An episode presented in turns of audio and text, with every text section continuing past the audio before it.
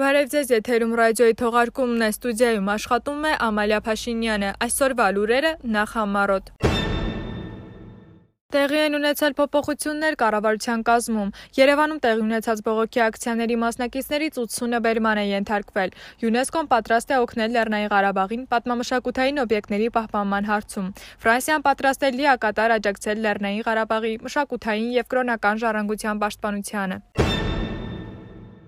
Տեղի են ունեցել փոփոխություններ կառավարության կազմում։ ՀՀ պաշտպանության նախարարության մամուլի խոսնակ Շուշան Ստեփանյանը թողել է զբաղեցրած պաշտոնը։ Այս մասին Ստեփանյանը հայտնել է Facebook-ի իր էջում։ Հայոց բանակը դեռ լինելու է համազգային հաղթանակների դրոշակակիր։ Սուկը հավերժ է, եթե չկա պայքար։ Միմիայն այդ դեպքում նշել է Շուշան Ստեփանյանը։ Հանրապետության նախագահի հրամանագրով աշխատանքի եւ սոցիալական հարցերի նախարար Զարուհի Բաթոյանը ազատվել է զբաղեցրած պաշտոնից։ Այդ պաշտոնում նշանակվել է Առաքելություն կուսակցության առաջնորդ Մեսրոբ Արաքելյանը։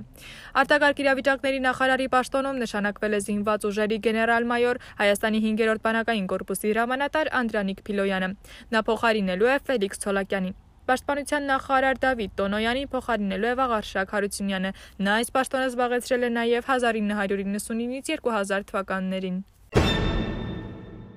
ՀՀ վարչապետ Նիկոլ Փաշինյանի հրաժարականը պահանջող մի խումբ քաղաքացիներ Երևան քաղաքում փողոցներ են փակել։ Խորհրդարանական եւ արտախորհրդարանական 16 ընդդիմադիր կուսակցություններ արդեն մի քանի օր անցկացնում են հանրահավաքներ, պահանջելով ՀՀ վարչապետ Նիկոլ Փաշինյանի հրաժարականը։ Նույն պահանջով Երևանի տարբեր փողոցներ փակած ակցիայի մասնակիցներից 80 անց բերման է ենթարկվել։ Այս մասին տեղեկացրել են ՀՀ ոստիկանության հասարակայնության հետ կապի եւ լրատվության վարչությունից։ ՅՈՒՆԵՍԿՕ-ն պատրաստ է օգնել Հայաստանին եւ Ադրբեջանին Լեռնային Ղարաբաղի պատմամշակութային հուշարձանների պահպանման հարցում եւ նախատեսում է այնտեղ ուղարկել մասնագետների խումբ։ Այս մասին հայտնել է ՅՈՒՆԵՍԿՕ-ի գլխավոր տնօրեն Օդրե Ազուլեն։ ՅՈՒՆԵՍԿՕ-ն աշխատելու է բոլոր շահագրգիռ կողմերի հետ, որպեսզի պայմաններ ստեղծի նման առաքելության համար։ Նախաձեռնվել են բարձր մակարդակի խորհրդակցություններ ԵԱՀԿ Միսկի խմբի համանախագահ երկրների հետ, նշված է հաղորդագրության մեջ։ Կառույցի ղեկավարը հավելել է, որ Ադրբեջանի եւ Հայաստանի ներկայացուցիչ բնակիչների հետ հանդիպումները տեղի են ունեցել նոյեմբերի 18-ին։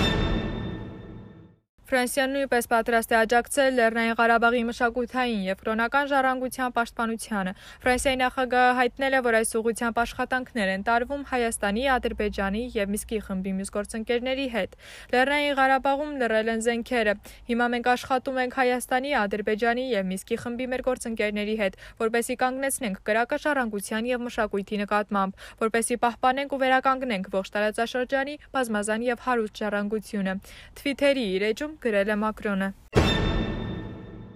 58 տարեկան հասակում կյանքից հեռացել է ՀՀ երրորդ նախագահ Սերժ Սարգսյանի կինը Ռիտա Սարգսյանը։ Այս մասին հայտնել է ՀՀ երրորդ նախագահի գրասենյակը։ Նոյեմբերի 16-ին Ռիտա Սարգսյանը ծայրահեղ ծանր վիճակում տեղափոխվել էր Նայրի բժշկական կենտրոն։ Ախտորոշվել էր COVID-19, որից հետո նա տեղափոխվել էր արտասահման։